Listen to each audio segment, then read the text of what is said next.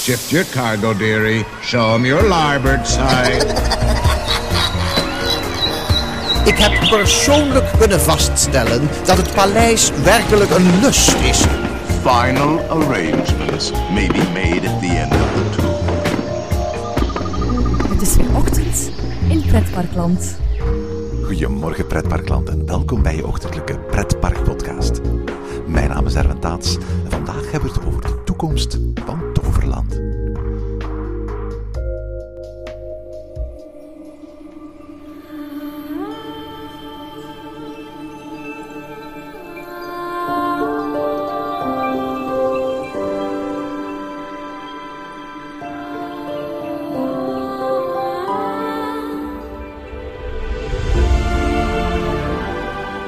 Gisteren stelde Toverland voor pers en genodigden het nieuwe themagebied voor dat het park in de zomer van 2018 gaat openen. Na een magisch woud en een magische vallei opent volgend jaar het magische eiland Avalon, waar in het mist het magische zwaard Excalibur werd gesmeed en waar Tirna nog, de bron van het eeuwige leven, zachtjes opborrelt. Blikvanger van Avalon wordt Phoenix, een wingcoaster van B&M van 40 meter hoog, 813 meter lang, met drie inversies en een topsnelheid van 95 km per uur. Onder en langs de baan en in het hart van het nieuwe gebied komt Merlin's Quest, een bootvaart van makke rides van 12 minuten met voor het eerst in de geschiedenis van het park een aantal dark ride scènes. Daarnaast komt er ook een herberg, de Flaming Feather, waar het Bourgondisch tafelen wordt in het eerste restaurant met tafelbediening van het park. We spraken over al deze nieuwigheden eerst met ontwerper Peter van Holstein en daarna ook met Carolien Kortooms, algemeen directeur van Toverland. Goedemorgen Peter. Goedemorgen, Erwin. Peter, we zijn weer een tijd verder en er, je mag eigenlijk weer een stukje verder vertellen van het, het steeds groter wordende verhaal van Toverland, hè? Ja, dat klopt. Vandaag hebben we onze perspresentatie gehad uh, over Avalon, het nieuwe themagebied. Kun je aan onze luisteraars vertellen, wat is Avalon eigenlijk? Het is eigenlijk een hele oude mythologie. Een, een, een in de nevelen gehuld oord dat alleen te vinden is door diegene die de magische boot weet op te roepen. Ik zei het vandaag, vandaag ook al, dat is natuurlijk een heel mooi uitgangspunt voor, uh, voor ons als creatief team. Om ervoor te borduren en om die wereld verder te gaan verkennen. En om daar ook je, je eigen invulling en je eigen draai aan te geven. Met gebruikmakend van uh, bepaalde elementen die iedereen herkent. Zoals het zwaard in de steen. Het is een Keltische, een Britse legende. Dat betekent ook dat je terug kunt gaan op een, een, een heleboel uh, stijlen. Laten we zeggen van Tolkien tot, tot Harry Potter eigenlijk. Om als het ware die wereld te bevolken. Zijn dat ook werelden die jou geïnspireerd hebben? Ja, ik vind dat wel uh, hele tot de verbeelding sprekende werelden. En juist hier was de uitdaging en ook wel uh, ja, de mogelijkheid daar om, om, om niet het cliché uh, kanteeltjes en schildjes verhaal, zeg maar, om dat op te roepen. Maar om juist de clichés te pakken van de wereld die daarvoor, uh, daaraan vooraf gaat. Dus echt dat hele vroeg middeleeuwse gebeuren. Hè? Uh, als je kijkt naar de geschiedenis, dan is natuurlijk de val van het Romeinse Rijk in het jaar 500 om en nabij. Is, is eigenlijk de start van de middeleeuwen en het loopt tot 1500 tot de verlichting. Dat is natuurlijk een heel breed scala. En wij zijn vooral echt in dat begin, in die beginfase eigenlijk aanbeland. En dan zit je nog in die hele primitieve middeleeuwen met heel veel ruwe en robuuste materialen en, en dry stone walls en noem het allemaal maar op. En die elementen die vond ik wel, die vond ik wel heel leuk. Dat vinden we allemaal heel leuk. Daar is ook nog niet zo heel veel mee gedaan. Dus dat is natuurlijk wel, uh, wel een heel mooi uitgangspunt voor een, uh, voor een nieuw gebied. Ik zat het ook te bedenken, hè? Voor, voor de bekendheid die, die de, de, de, de ridders van de ronde tafel en Arthur en Merlijn uiteindelijk hebben. Er zijn weinig pretparken in onze buurt die echt al iets gedaan hebben. Behalve hier en daar een attractie die de naam Excalibur heeft gekregen. Of een, of een, of een tijdelijk showtje. Mm -hmm. het, is, het, is, het is onontgonnen terrein eigenlijk. Hè? Ja, ja, ja, en we wilden ook voorkomen dat we losse eilandjes gingen creëren of ergens een stempel op drukken. Zo, hè. We wilden wel echt een en een onderdompeling in die wereld, waarbij ook alles ten dienst staat van het thema en ook heel subtiel het verhaal. Uh, twee attracties, een, een, een bootvaart en een, uh, een, een, een, achtbaan. Die achtbaan die, die, die is in de loop der tijden steeds groter geworden, vertelden ze vanochtend. Ja, dat klopt inderdaad. Ja. Die, uh, in ons enthousiasme is eigenlijk alles een beetje gegroeid, waaronder ook de achtbaan. En die kreeg steeds grotere proporties en dimensies. Totdat we uiteindelijk bij de, de BNM Wingcoaster van 40 meter hoog zijn aanbeland. Ik kan me voorstellen, als, als, als ontwerper, dat is één ding. Maar als pretparkliefhebber in één keer op je bord krijgen van... ik mag hier een station en een omgeving ontwerpen. En eigenlijk de coaster zelf van een BNM. Uh, dan, dan voel je je waarschijnlijk al wel, wel heel erg trots. Ja, zeker trots. Maar het, het voelde niet heel anders dan anders, laat ik het zo zeggen. Natuurlijk, het is een BNM. Het is gewoon de crème de la crème onder de achtbanen. Maar ik heb het nooit ervaren als een soort molensteen of als een hele zware verantwoordelijkheid. Ik zag het veel meer als ja, je mag gewoon met een topproduct werken en daar ga je, daar ga je iets heel moois omheen bouwen. Uh, en je kunt die achtbaan ook heel mooi integreren in de ervaring van het vliegen. Dat is een beetje een wisselwerking geweest tussen uh, enerzijds, we hadden een thema.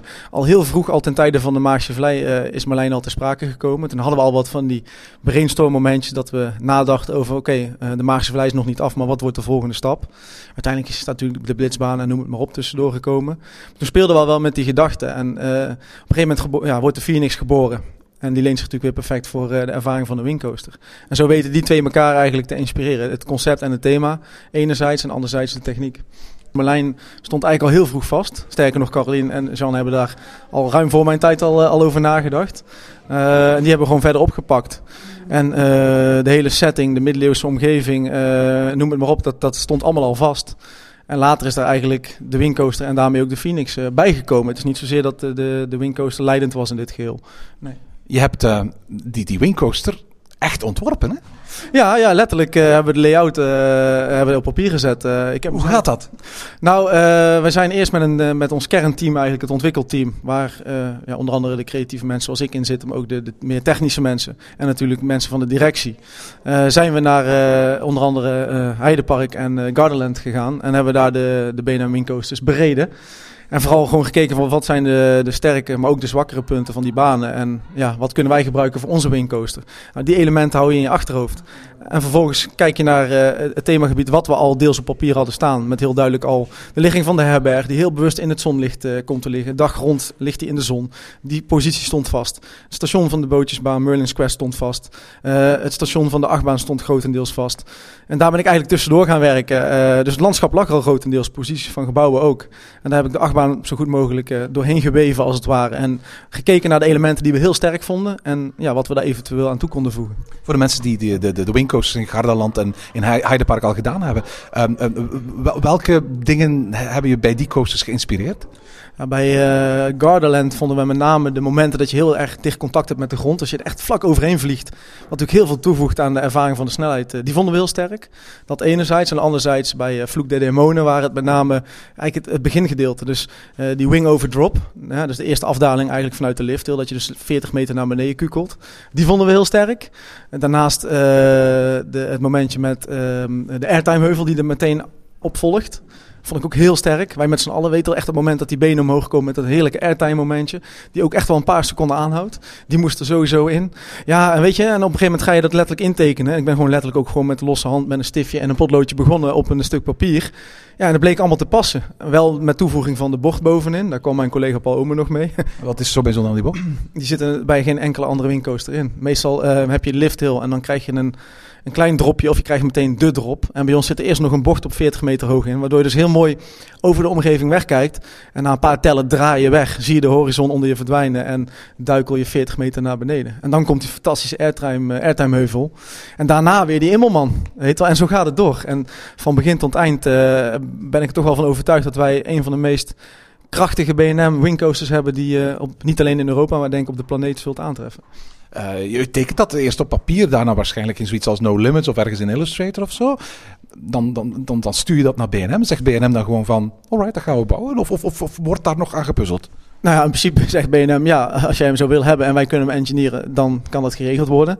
Maar we hebben wel heel expliciet gevraagd van, wat vinden jullie, jullie ervan hè, als expert? Ik bedoel, jullie zijn de coasterbouwer der coasterbouwers. Als jullie het niks vinden, moeten we het vooral niet doen. Uh, dus kom vooral met op- en aanmerkingen of met uh, verbeterpunten. Nou, eigenlijk hadden ze zoiets van: nee, dit ziet er heel goed uit. Wij geloven ook echt dat dit een goede baan is. Dat hebben we ook echt zo gevraagd. En dat, ja, die terugkoppeling kregen wij. En we gaan kijken of we hem zo kunnen engineeren. Nou, dan gaan er een week of twee overheen. En dan komen de eerste tekeningen. En ja, het blijkt te kunnen. Het gaat werken. Dus we gaan het zo doen. En ja, daar gaan ze vervolgens op voortborduren. En dan komen er wel allerlei op detailniveau aanpassingen en radiussen van bochten en noem het maar op, die, eh, die, die kunnen veranderen. Maar ja, ik zei het al eerder, ik denk 95% van de layout die we toen bedacht hebben, die staat nog steeds overeind. En die gaat uh, letterlijk uh, dit najaar de lucht in.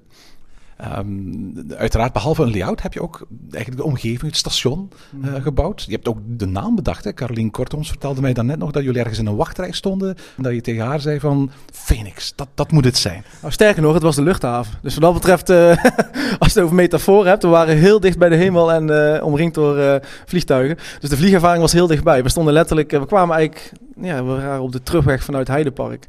En toen heb ik op, onderweg op mijn telefoon even heel kort een verhaaltje uitgeschreven voor mezelf. En ik was zo enthousiast, ik denk, dat ga ik delen.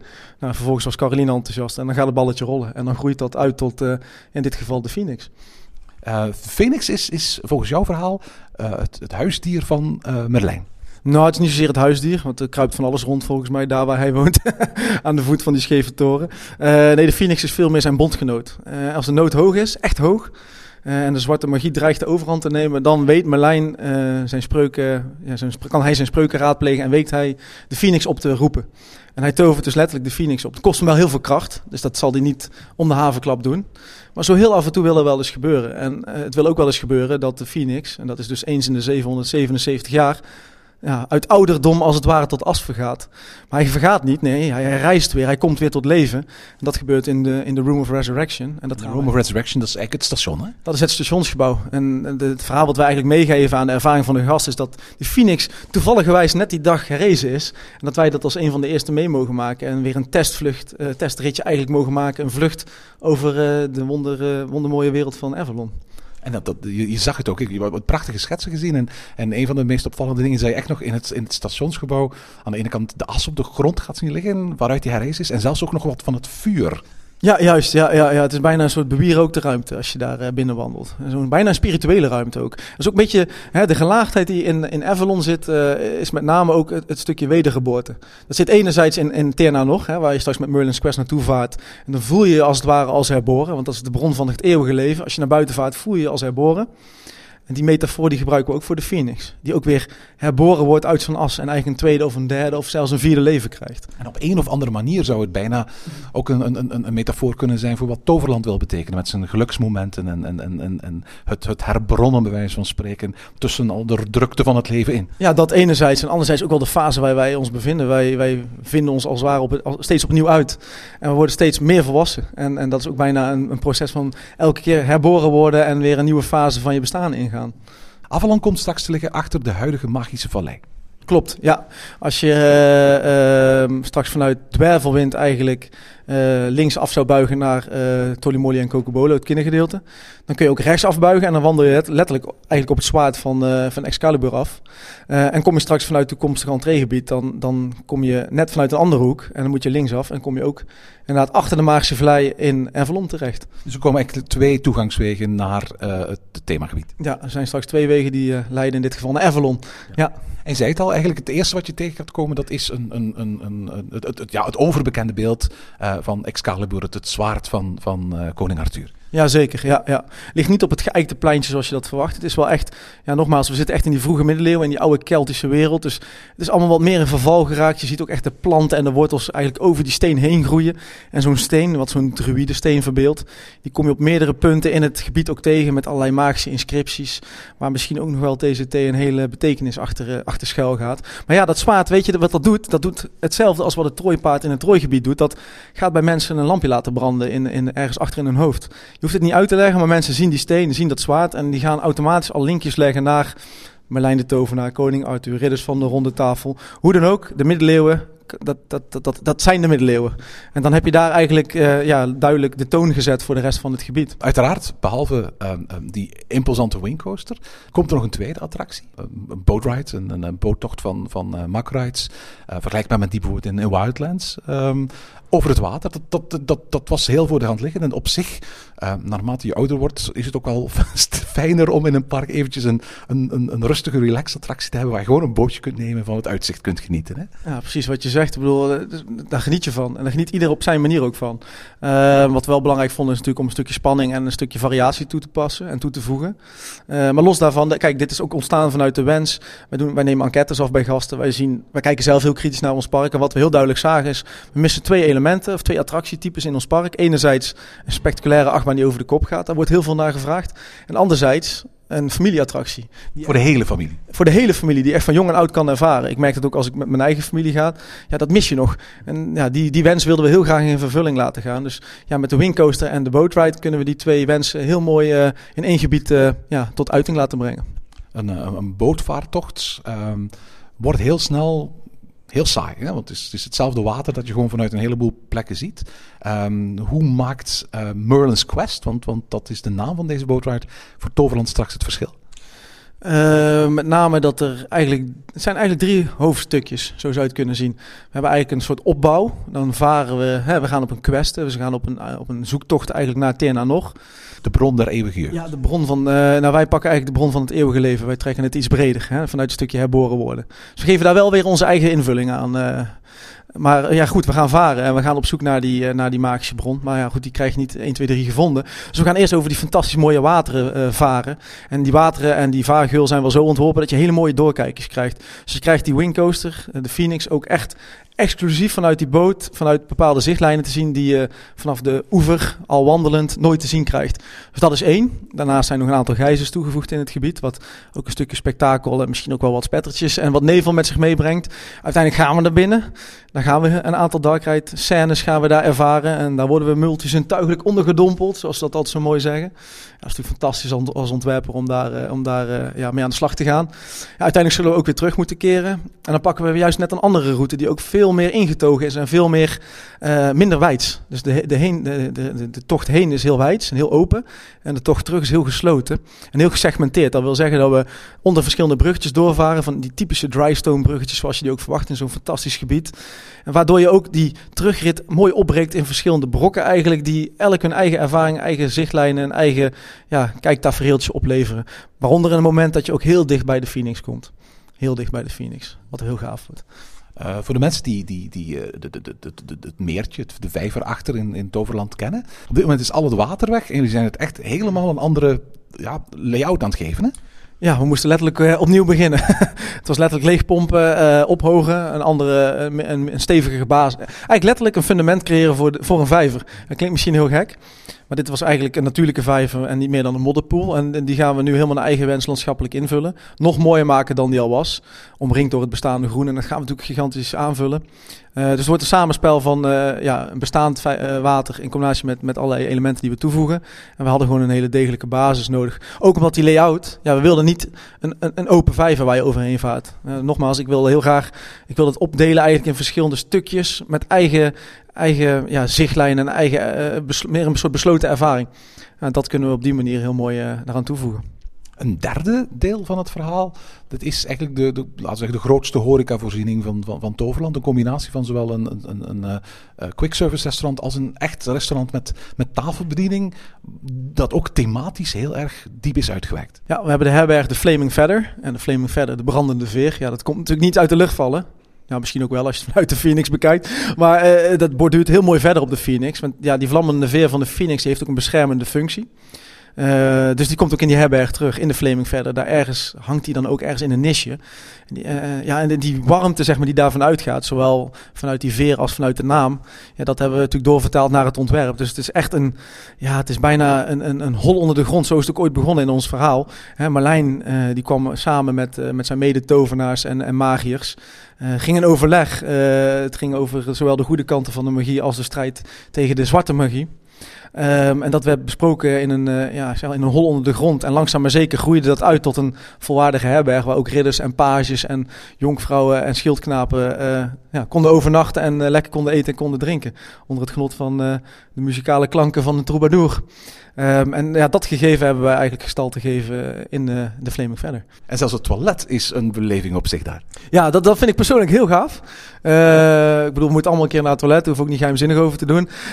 En vaak in parken zijn toiletten toch hele functionele eh, ja, omgevingen. is ook logisch. Maar ik zou het wel heel tof vinden als je daar het thema eigenlijk eh, ja, in meeneemt. En wij hebben dus het toilet ook ontworpen als zijn. En we wandelen eigenlijk de stal binnen waar het paard eigenlijk wordt... Ja, eh, aangelijnd. En waar de, de schildknaap die niet zoveel geld op zak heeft eh, over het paard waakt en waarschijnlijk ergens in het, in het, in het stro neerstrijkt. En in zo'n omgeving, daar gaan wij straks naar het toilet. En we wassen onze handen dus boven de voederbakken. En noem het allemaal op. Die elementjes, het stro wat door het plafond eh, naar beneden valt, dat, dat zie je daar straks in terug. En dat is natuurlijk gaaf. Ja. Je bent hier nu heel erg enthousiast over aan, aan, aan het vertellen. Eh, we hebben een aantal geweldige schetsen gezien vanochtend van jou. Is, is, is het ontwerp nu klaar? Of, of zeg je van nee, ik, ik moet echt nog heel veel kleine details gaan, gaan, gaan ontwerpen? Nou, je zegt precies goed. het ontwerp is klaar in die zin, we weten wat erin zit, eh, waar het erin zit en hoe het eruit gaat zien. Eh, maar ja, de verdere detaillering ook ten behoeve van de mensen die het allemaal moeten maken. Al die handige handjes die gaan kneden en kleien en afmallen en noem het maar op. Ja, die moeten nog wel wat meer informatie hebben.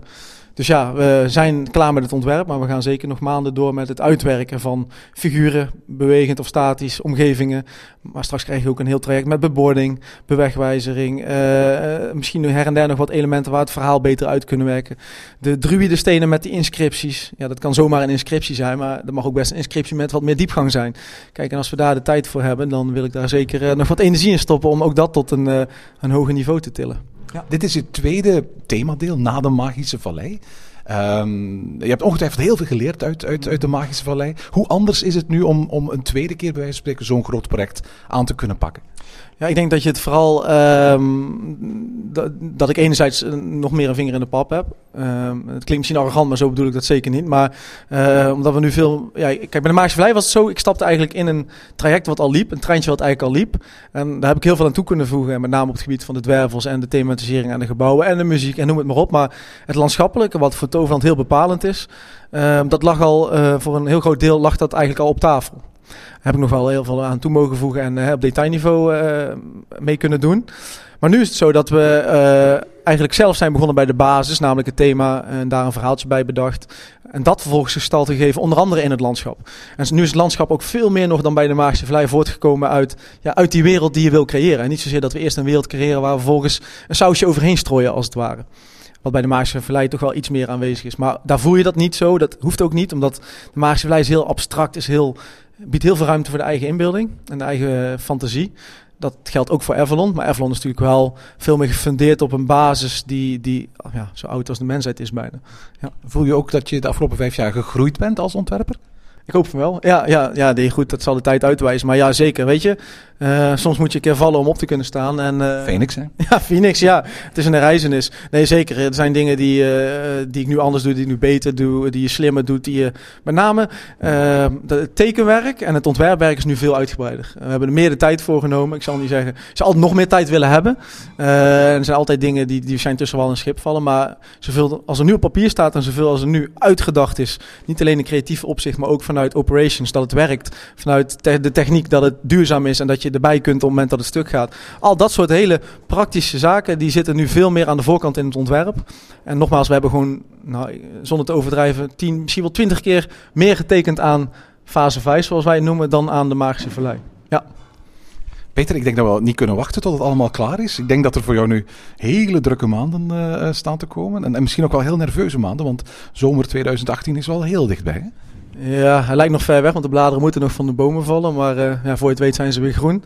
Dus ja, we, we gaan zeker nog een flinke sprint trekken. Maar eh, maar ik denk dat we met een Maagse Vlei wel hebben bewezen dat, dat, eh, dat het heel goed kan komen bij Toverland. En daar gaan we voor. Goedemorgen, Carolien Kortooms. Goedemorgen, Erwin.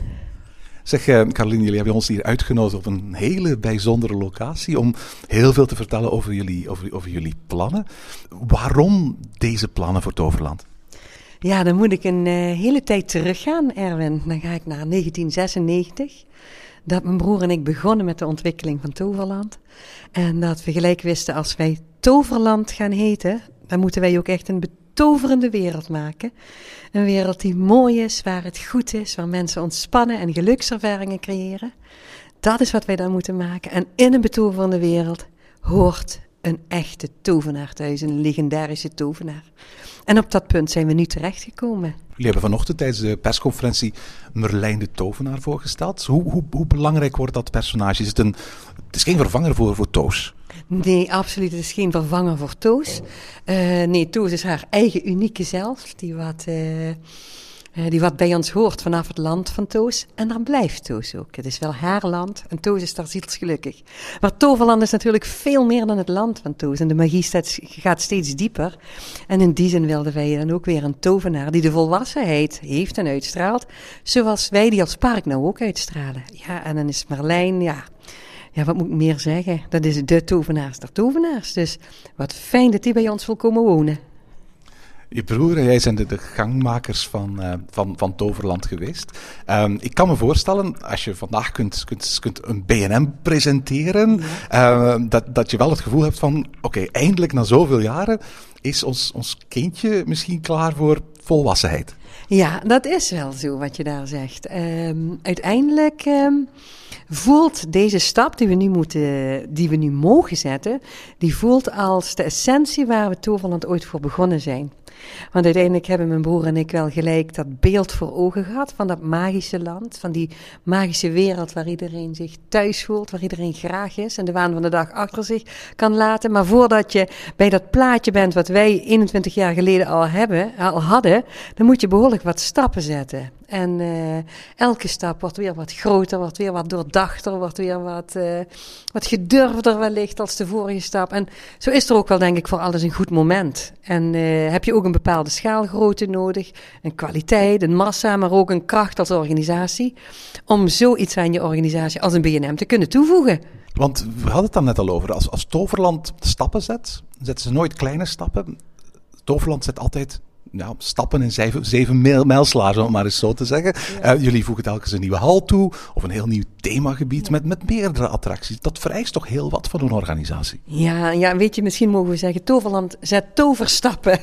Die zijn inderdaad niet standaard. Dat vereist heel wat van een organisatie. En alle facetten. Dat vereist uh, iets van haar mensen, die wat het moeten doen, die wat het moeten kunnen bijbenen. Uh, maar dat vereist ook iets van het beeld naar buiten. Want wat we ook wel merken is dat mensen ons amper kunnen bijbenen. Dat dat redelijk jonge toverland al zo'n power en zo'n dynamiek en zo'n schaalgrootte heeft. Dat is een uitdaging, maar het is een uitdaging die bij ons past.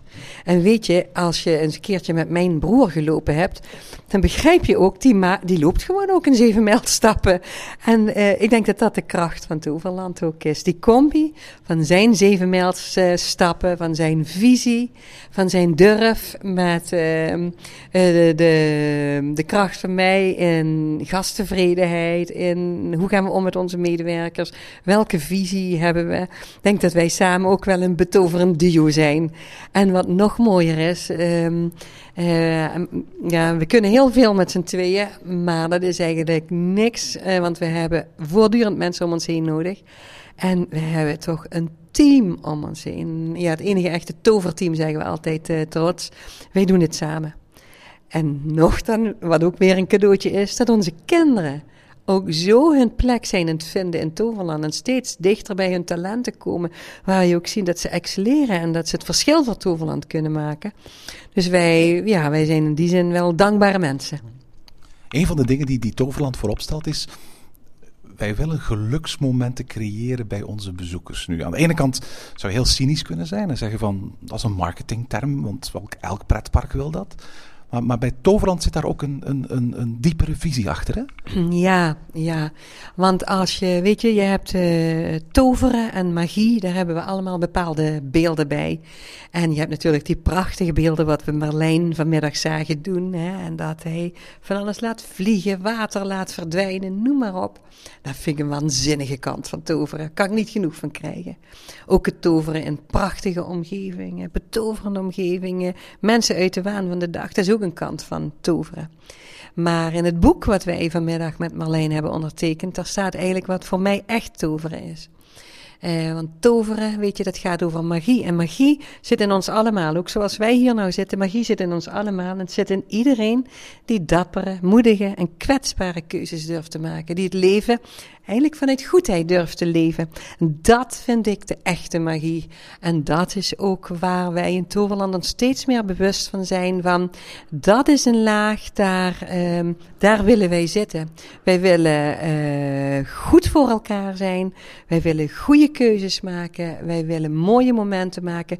Omdat het dat eigenlijk is, heel eerlijk gezegd, waar het het leven om draait. Aan de andere kant, je stuurt een heel team aan. En als manager moet je natuurlijk goed zijn voor je team, maar soms ook heel, heel, heel hard voor, voor een team. Hoe creëer je zo'n constant gevoel van, van, van geluk? En tegelijkertijd, bij wijze van spreken, blijf je dat aansturen. Ja, iedereen is uiteindelijk verantwoordelijk voor zichzelf. En daar zijn wij op Toverland wel heel erg mee bezig, ook in onze uh, visie, overleiding geven.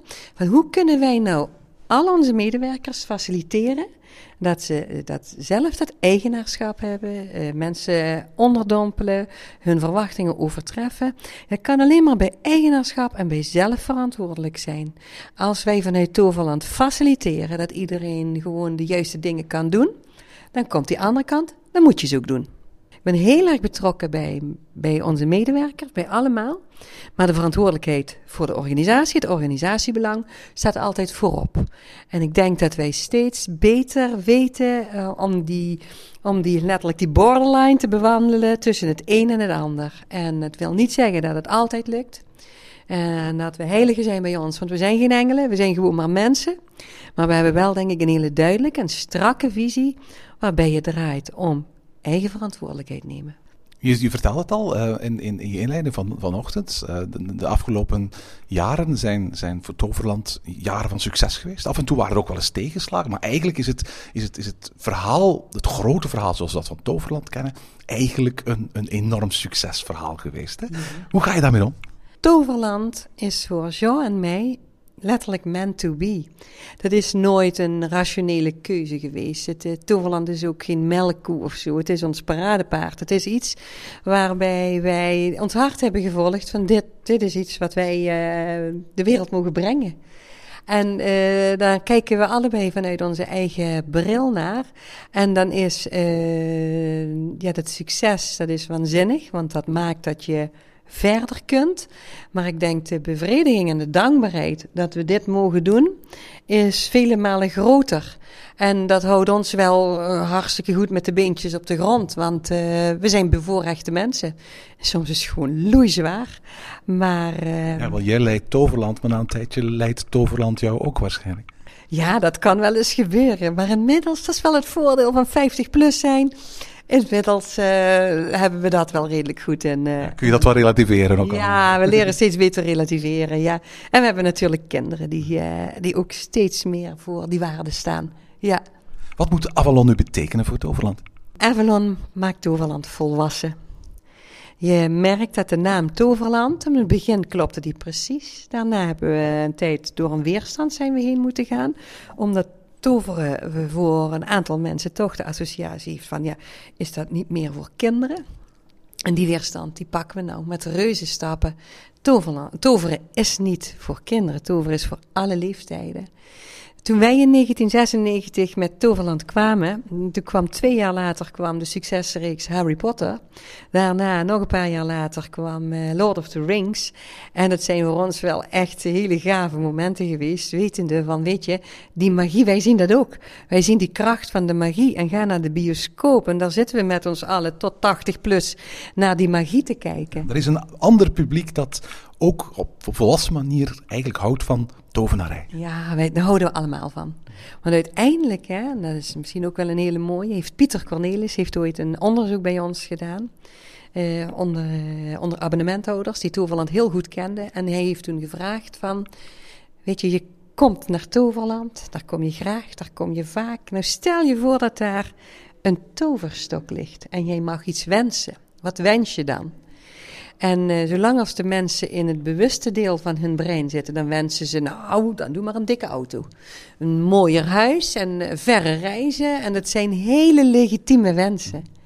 Maar uiteindelijk was die vragentechniek er vooral op gericht om de mensen naar het onderbewuste te krijgen.